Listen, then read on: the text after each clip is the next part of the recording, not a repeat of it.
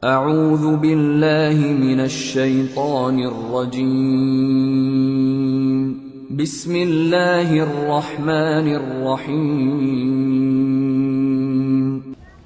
Beliau paling gemar bersedekah dan ini yang paling menonjol. Sedekah. Ada satu konsep begini teman-teman sekalian. Subhanallah, saya tidak tahu ya, saya pun pribadi butuh memperbaiki terus diri saya dan saya ajak teman-teman untuk itu. Pangkal kaya itu adalah sedekah. Bukan pangkal kaya itu nabung. Ini perlu diperbaikin nih, gitu kan? Karena ada prinsip kapitalis yang mengatakan ya, menabung pangkal kaya. Dan ini orang Islam banyak yang pakai nih konsepnya. Terus dapat gaji nabung, terus gini. Dan orang kalau sudah menabung, mudah nggak untuk ngeluarin? Hah? Susah. Karena dia targetnya menabung. Dari sejuta kapan 10 juta, 10 juta kapan 100 juta, kapan 1 miliar. 1 miliar manusia nggak bisa kenyang, nggak bisa puas. Kata Nabi SAW, manusia tidak akan puas sampai tanah kuburan dimasukkan di mulutnya. Nggak bisa. Ini kalau antum mau punya mobil, begitu Allah kasih mobil, wah pengen berdua mobil, pengen ganti, oh sudah ketinggalan nih sudah satu tahun yang lalu dan seterusnya. Ya, manusia selalu tamak. Itu sudah sifat manusia subhanallah. Kecuali yang Allah rahmati, yang punya keimanan dalam hatinya. Maka Abdurrahman memberikan pelajaran kepada kita dan sebelumnya waktu kita bahas juga tentang Zubair bin Awam, Talha bin Ubaidillah, Ali bin Abi Thalib, Uthman bin Affan, Abu Umar bin Khattab, Abu Bakar radhiyallahu anhu majma'in ini semuanya punya ciri khas teman-teman sekalian. Dan waktu itu yang membuat mereka jadi kaya raya, kayanya luar biasa, kayanya nggak bisa digambarin. Saya baca sampai saya bingung pakai kalkulator hitung hartanya Abdurrahman nih, gitu kan. Saya pakai kalkulator di kantor saya hitung. Luar biasa nih kekayaan yang luar biasa. Sampai dia punya bongkahan-bongkahan emas, itu waktu mau dibagi sebagai warisan, di, di, di, karena sudah lama ya ditaruh, jadi melengket masuk satu sama yang lain, itu harus dipukul dengan kampak. Dan yang memukulnya sama kampak itu memotong emas, dipotong emas seperti potong daging, gitu kan? Itu sampai tangannya luka orang-orang itu, saking banyaknya. Subhanallah, Kata kuncinya mereka jadi kaya raya dan melimpah hartanya justru karena sedekah. Ini yang penting nih. Dan mereka bersedekah itu bukan isidentil menunggu orang minta, bukan. Ciri khas mereka adalah mereka keluar mencari orang. Ini yang hilang dari kita nih. Jadi kita mungkin ada yang suka gemar sedekah tapi pada saat lihat oh ada orang miskin kesian kasih itu sudah umum teman-teman sekalian. Yang tidak umum, programkan tiap hari keluar cari orang miskin sedekah. Ini ciri khasnya sahabat nih. Jadi mereka menganggap itu program hidupnya. Bahkan di kalangan ahli sejarah mengatakan para sahabat melihat memberikan sedekah di jalan Allah lebih mereka dahulukan daripada mengisi perutnya yang sedang lapar. Bayangin. Jadi artinya mereka tidak mau makan sampai sudah sedekah dulu. Sampai seperti itu. Jadi sedekah itu merupakan sebuah program hidup. Dan subhanallah, dengan sedekah ini terbuka luar biasa. Pintu-pintu yang tidak masuk di akal kita sudah, gitu kan? Kalau mau pakai hitung-hitungan manusia, mau pakai sistem-sistem kapitalis dan non muslim sekarang ini nggak nyambung sudah. Susah sekali. Gitu kan? Karena bagi mereka mengeluarkan berarti secara matematika berkurang, kan gitu. Kalau kita tidak, Nabi SAW mengatakan dalam hadis Sahih riwayat Imam Ahmad, Demi zat yang ubun-ubunku dalam genggamannya tidak ada harta yang berkurang karena sedekah. Enggak ada. Dan tidak ada seorang hamba yang bertawaduk merendah karena Allah kecuali Allah akan muliakan dia. Gitu kan? Jadi memang penyampainya jelas konsepnya. Jadi sedekah itu membuka pintu rezeki. Rahasianya itu. Keluarkan akan datang. Hadis Bukhari berbunyi, Ya benar Adam, kata Nabi SAW, Allah berfirman, Ya benar Adam, amfik, amfik alaih. Wahai anak Adam, berinfak dulu di jalanku, baru aku bukakan. Coba kita bersadakah ini. Dan sadakah ini nggak boleh setengah-setengah. Emang betul-betul harus yang terbaik. Ya, kita berikan yang terbaik. Bagaimana kita mengeluarkan di jalan Allah Subhanahu wa taala dengan tidak ada pamrih. Karena kita tidak bisa teman-teman sekalian mendapatkan ikan paus dengan pakai ya pancingan yang kecil. Untuk mendapatkan ikan paus, ikan yang besar, itu butuh kapal-kapal tanker yang besar. Gitu kan? Artinya, korbankan sesuatu yang besar, akan datang yang besar. Dan Allah subhanahu wa ta'ala dengan kemahamurahannya, kita kalau keluarin sejuta nih, Allah nggak balas sejuta. Enggak. Allah subhanahu wa ta'ala akan balas kita 100 juta. Lebih besar. Efek ibadah itu kalau kita kerjakan balasannya luar berlipat-lipat. Kita sudah tahu balasannya 10 sampai 700 kali lipat. Ini bukan hanya dalam masalah pahala puasa, masalah sholat, tidak. Masalah sodaka itu pasti dijanjikan bisa 10 sampai 700 kali lipat yang dibalaskan. Itu sudah jelas. Tadi hadis berbunyi tidak akan berkurang harta karena sodaka. Kalau kita keluarkan sebagai ibadah, itu akan dibalas oleh Allah 10 sampai 700 kali lipat. Ini janji. Dan kita tahu inna Allah la yukhliful mi'ad. Allah tidak akan pungkiri janjinya. Wa man asdaqu minallahi qila. Siapa yang lebih jujur daripada Allah dalam pernyataannya? Enggak ada. Ini janji. Ini ciri khasnya sahabat. Tahu betul janjinya Allah. Tahu betul apa yang disampaikan Nabi SAW benar. Enggak mungkin salah. Maka mereka terapkan dalam kehidupan mereka. Coba diperhatikan bagaimana perilaku-perilaku para sahabat pada saat mereka bersedekah. Mereka selalu memberikan yang terbaik. Bahkan yang mereka berikan itu minimal, minimal sama dengan apa yang tertinggal di hartanya. Jadi misalnya mengeluarkan setengah harta, itu minimal perilaku mereka itu. Ya. Jadi ada yang mengeluarkan sampai seluruh hartanya dikeluarkan. Ada yang mengeluarkan minimal setengahnya. Ini luar biasanya. Mereka selalu melakukan perbuatan tersebut dengan keyakinan ini tidak akan berkurang harta karena bersedekah. Allah Subhanahu wa taala akan mengembalikan kepada kita berlipat-lipat ganda dan di antaranya bukti nyata Abdurrahman bin Auf. Abdurrahman radhiyallahu anhu. Pada saat tiba perang Badar, beliau sempat bersedekah dengan 2000 dinar. Dan pada saat itu Abdurrahman di perang Badar masih baru memiliki harta 4000 dinar dikatakan. Jadi seluruh uang yang dia miliki itu 4000 dinar. Satu dinar ini teman-teman sekalian kalau kita kurskan di hari sekarang sekitar 1 juta 600 satu dinarnya, gitu kan? Ini subhanallah kurang lebih nilainya itu 32 M miliar. Keluarkan di jalan Allah setengah yang kita miliki. Gini ada deh contoh rasional. Teman-teman coba kalau pas lagi di kantongnya sekarang ada 50 ribu dua. Anggaplah uang 50 ribu satu utuh, yang 50 ribu kedua itu ada pecahan 10 ribu, 5 ribu, 1000. Kemudian lewat celengan masjid, lewat fakir miskin, kira-kira yang mana antum keluarkan? Hah? Kira-kira bisa nggak, mampu nggak melawan jiwa kita untuk menarik yang 50 ribu utuh, bukan pecahan, yang 50 ribu utuh. Abdurrahman memberikan pelajaran kepada kita teman-teman sekalian, rasa yang ada secara eksternal dari tubuh dan perasaan yang ada internal dalam tubuh itu ditundukkan untuk Allah Subhanahu wa taala. Luar biasa ya. Jadi ini ditundukkan untuk Allah. Ini penting ya. Rasa takut, rasa suka, rasa sedih, rasa tunduk dan itu semua dikembalikan kepada Allah Subhanahu wa taala. Abdurrahman radhiyallahu anhu memiliki setengah harta dan masih baru menggalang ya usahanya. Maka yang dia keluarkan pada saat dipanggil jihad setengahnya. Langsung 2000 dinar pada saat itu dikeluarkan oleh Abdurrahman. Ia juga menyumbangkan pada saat ya waktu yang lain yang paling sering dia lakukan adalah begitu dapat keuntungan maka dia langsung kalau kita sekarang mungkin mobil pick up ya dia langsung menyiapkan satu ekor unta, tiga ekor unta bahkan disebutkan dalam riwayat yang masyhur tentang beliau beliau sering kali setiap dapat keuntungan pasti membeli unta unta itu dilengkapi dengan kalau zaman dulu tuh memang dilengkapi ada unta khusus untuk mengangkat barang. Jadi penuh dengan perangkat-perangkatnya, ya kantong-kantong dari kulit yang memang mengangkat barang-barang yang berat. Jadi nanti orang kalau beli biasanya orang beli untahnya dengan beli juga barang-barang yang ada di atasnya. Kalau kita sekarang pick up dan semua perlengkapan barang dagangannya. Abdurrahman ini sering kali, gitu kan, begitu dapat keuntungan dia tidak pikir menyimpannya, tapi dia membeli sampai 700 ekor unta. Dan 700 ekor unta ini memenuhi jalan-jalan Madinah dengan dagang-dagangannya.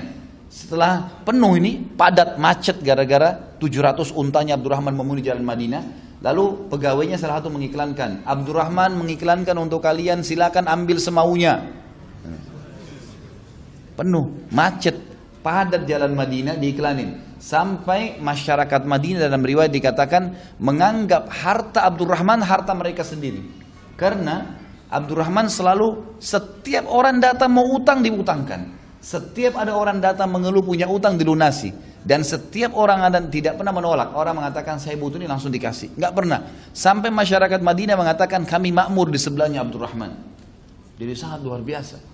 mendatangkan 700 ekor unta dengan seluruh apa-apa yang ada di dalamnya, gitu kan? Itu kemudian dibagi cuma-cuma. Di, di, di ini jalan dan ini ini bukan satu dua kali ya. Ini terus menerus. Pokoknya setiap ada duit langsung pembagian cuma-cuma. Saya melihat ini ada di Saudi ya. Kalau di Indonesia saya belum lihat. Subhanallah ada teman saya di Jeddah cerita. Kebetulan saya waktu itu jalan dari Mekah ke Jeddah. Ada satu mobil tangki air. Ternyata itu air zam-zam kayak kita biasa yang air dibeli 5000 liter gitu kan. Ada mobil tangki dibeli. Nah ini Orang ini ternyata terkenal kisahnya dan dia sudah meninggal. Semoga Allah rahmati. Orang ini ternyata diteruskan perilakunya oleh anak-anaknya. Jadi ada satu mobil tangki itu memang tidak terlalu kelihatan, tapi kalau diperhatikan pasti lihat. Mobil itu kalau saya setahu saya hari sampai hari ini masih ada. Mobil ini selalu e, dibayar oleh pemiliknya dari Jeddah ke Mekah khusus untuk mengambil air zam-zam, kemudian ditaruh di pinggir jalan. Itu siapa saja yang mau ambil air zam-zam silahkan. Tinggal bawa galonnya isi, ulang gratis. Jadi dia nggak usah jauh-jauh ke dekat air zam-zam dekat haram, tapi dia boleh ambil di situ. Masyarakat masyarakat banyak ambil. Subhanallah waktu orang ini meninggal, pemiliknya ini itu ditemukan waktu itu lagi panas sekali Saudi sampai kering tanah itu sampai pecah dan waktu mereka gali itu karena tidak ada air itu keras sekali tanahnya. Subhanallah waktu digali kuburannya kuburannya basah lembab, gitu kan ada air. Ini contoh dan saya lihat ini perilaku yang tidak ada di negara kita subhanallah. Bagaimana mereka membagi-bagi cuma-cuma di musim haji itu sudah biasa. Saya pernah tahun waktu tahun 92 ya. Waktu itu saya masih SMA. Kemudian saya di Madinah, saya sama sepupu saya kebetulan ada sepupu saya dari Makassar sama-sama saya kuliah di sana dulu, sekolah di sana. Waktu itu musim haji, saya bilang sama dia, ayo kita haji aja berdua. Kan dari Madinah dekat, naik bus, kemudian coba kita haji. Waktu itu saya bercanda sama dia, kita haji umum sajalah, ya. Eh, kita melihat fenomenanya seperti apa. Tidak ada bus, nggak ada kemah, nggak ada bekal makanan. Waktu itu beasiswa masih belum keluar. Uang di kantong itu sekitar 200 real saya pegang. Bayar bus 80-an kalau nggak salah waktu itu. 8, eh, afwan, 60 real kita bayar bus. Sisanya ini untuk bekal nih. Maka yang saya lakukan saya sama-sama. Masuk sampai ke e, Mina. Kemudian di Mina kami jalan kaki ke Arafah. Jadi ada memang disiapin untuk berjalan kaki gitu. Jauh tapi orang jalan kaki lebih cepat. Itu selama saya haji enam hari teman-teman sekalian dari Mina ke Muzdalifah eh, ke Arafah, Arafah ke Muzdalifah, Muzdalifah ke Mina lagi selama empat hari sampai hari Tashrik. Saya tidak pernah ngeluarin satu real pun untuk makanan dan minuman. Sepanjang jalan makanan dan minuman gratis. Sepanjang jalan. Subhanallah di pinggir jalan tuh di musim haji penuh dengan kontainer-kontainer Gitu kan? Itu satu kontainer isinya mungkin bisa jutaan dus susu, yang besar-besar kontainernya. Itu dibuka, mereka teriak, Sabilillah. Sabilillah di jalan Allah. Mau jemaah haji pada ngumpul, dikasih, lempar-lemparin. Sampai habis. Besok datang lagi kontainer baru. Begitu terus setiap hari. Kita kalau haus tinggal ketuk. Buka, minta dikasih. Makanan, orang yang bawa makanan dimasak sendiri di rumahnya. Nasi-nasi dan banyak sekali. Subhanallah, orang kalau haji, jalan itu di sana itu hidup, pokoknya hidup lah. Makan, minum semuanya. Dan itu sepanjang jalan, di mana-mana. Ada yang bagi buah-buahan, ada yang bagi minuman, ada yang bagi macam-macam. Gitu kan. Dan ini perilaku yang luar biasa nih. Yang mungkin memang masih belum ada di kita gitu ya. Subhanallah untuk membagi buka puasa saja kita kadang-kadang di jalan tuh masih sedikit sekali. Padahal pahalanya besar gitu ya. Saya coba kemarin suruh pegawai saya, ayo Ramadan di depan restoran aja, buka, kasih orang-orang yang lewat. Itu orang sempat heran, ada bagi air sama kurma saja, sama apa yang bisa dibagi. Ini cuma-cuma ya, nggak dibeli. Ya iya cuma-cuma dikasih. Mereka heran kenapa ada orang berbuat seperti itu. Gitu. Padahal sebenarnya ini perilaku yang sederhana. Bagaimana dengan Abdurrahman tuh? Unta lengkap dengan seluruh barang-barang dagangannya, gitu kan? Sebagian ahli sejarah coba lebih dalam membahas satu ekor unta itu bisa mengangkat beban sekitar 60 minimal 60 kilo di kanan dan 60 kilo di kiri. Jadi 120 kilo beran beban. Ada yang mengatakan ada jenis unta bisa mengangkat sampai 200 kilo 200 kilo 400 kilo. Barang dagang barang-barang kebutuhan ya itu dibagi cuma-cuma. Habis sudah. Jadi sedekah itu program hidup. Luar biasa Nah ini hal-hal mendasar yang mesti kita tahu teman-teman sekalian. Dan ingat ini perilaku sehari-hari, jadwal sehari-hari. Jadwal sehari-hari. Saya pernah sebutkan bagaimana Syekh Bimbas itu memberikan makan 600 orang di pagi, dan siang dan 600 orang di malam hari. Selalu di depan rumahnya dipasang AC, dibuka sufra, pokoknya orang sudah tahu ini orang makan di sini gratis, tukang sapu jalan, apa segala datang mampir. gitu. Itu luar biasa. Maka perilaku-perilaku seperti ini yang masih belum ada, padahal ini perilaku yang baik sekali. Kemudian beliau sering kali begitu untung dagangan, gitu kan, langsung menghabiskan pada saat itu keuntungannya. Ini perilaku Abdurrahman. Dalam kisah riwayat yang sahih disebutkan, beliau pernah mendapatkan satu peti emas keuntungan, satu peti emas keuntungan dagangan. Jadi ini selalu tiap hari bersedekah, tiap hari berdatang. Dia bilang sama istrinya, waktu istrinya tanya, kenapa kau kepikiran? Apa yang pikir apa Abdurrahman? Dia bilang, saya kepikiran nih. Satu peti emas ini, saya belum pernah dapat untung sebanyak ini nih. Lalu apa yang apa apa apa yang kau ingin lakukan? Dia bilang saya ingin sedekahkan. Ya. Perhatikan ini ummahat kita di sana di belakang, akhwat kita. Ini suaminya mau sedekah, keuntungan satu peti emas. Kita ini kalau keuntungan 10 juta saja sudah mau antri di bank, gitu kan. Sudah antri panjang pun siap, yang penting bisa nabung. Subhanallah. Ini datang keuntungan satu peti emas, mau disodakain semua. Ini sodaka. Program pertama sodaka, bukan beli makanan, bukan beli baju. Istrinya juga tidak bilang sebentar, jatah saya mana? Enggak. Saya mau beli emas dulu, saya mau beliin dulu, enggak. Sodakahkan. Ini riwayat sahih menyebutkan waktu disodokahkan oleh Abdurrahman sama istrinya malam itu habis. Besok datang dua peti keuntungan. Nggak masuk di akal. Produk yang sama, jumlah yang sama, harga yang sama, untungnya double. Gimana tuh? Hitungan matematika nggak masuk sudah, nggak bisa. Datang dua peti dalam riwayat dikatakan Abdurrahman sodakahkan. Hari ketiga datang tiga peti. Terus begitu. Terus makin banyak, makin banyak sodakahkan, makin banyak datang. Dalam Islam, sodaka sama dengan kaya. Itu kata kuncinya. Ya, jadi jangan malah terbalik. Ini penting sekali. Dan sodaka itu banyak, makin banyak, makin banyak datang. Responnya harus begitu. Dan datangnya bukan setimpal dengan yang kita keluarin. Keluarin sejuta, datang sejuta. Enggak. Keluarin sejuta, datangnya seratus juta. Itu harus dengan keyakinan. Jadi teman-teman sekalian, materi seperti ini, ini bukan antum jangan datang di sini, ikhwah dan akhwat ini datang cuma testimoni mau tes-tes saja. Majelis ilmu enak nggak ya? Rame-rame di Blok M dingin ada AC-nya, bukan itu. Ini bukan seremoni, bukan datang ngerame-ngeramein karena diajak teman. Oh sahib ana aja, bukan. Ini untuk antum ambil pelajaran, pulang praktekin. Itu yang penting. Berubah menjadi orang lebih baik. Dan ini manfaatnya, itu akan kita lihat langsung respon. Dan ini akan menambah keimanan ikhwah sekalian dan akhwat. Ini fakta lapangannya, dalilnya ada, contoh historinya ini yang sedang kita bahas ada. Sodaka akan mendatangkan kekayaan, itu jelas sekali, jelas sekali. Maka kenapa kita masih ragu dengan masalah-masalah seperti ini? Abdurrahman bin Auf pernah kedapatan oleh beberapa masyarakat Madinah itu membagi-bagi di jalan 40 ribu dirham. Bagi-bagi cuma-cuma. Datang dia pokoknya keluar dia bagi-bagi. 40 ribu dirham itu sama dengan 2,2 M. Dibagi-bagi. 2,2 M dibagi-bagi coba bayangkan, gitu kan. Gak bisa nyambung dengan kita ini gimana, tapi luar biasa. Dan dia Abdurrahman dari nol ya, dari tidak punya baju tadi, baju cuma di badan, gak punya istri, jual cangkul pinjam sama orang. Tapi Allah Azza Jal buktikan apa yang dia janjikan benar. Abdurrahman begitu dapat sodakah dulu. Sampai saya bilang tadi konsep dasarnya lebih penting mereka sodakah daripada makan. Ini luar biasa ini. Ya.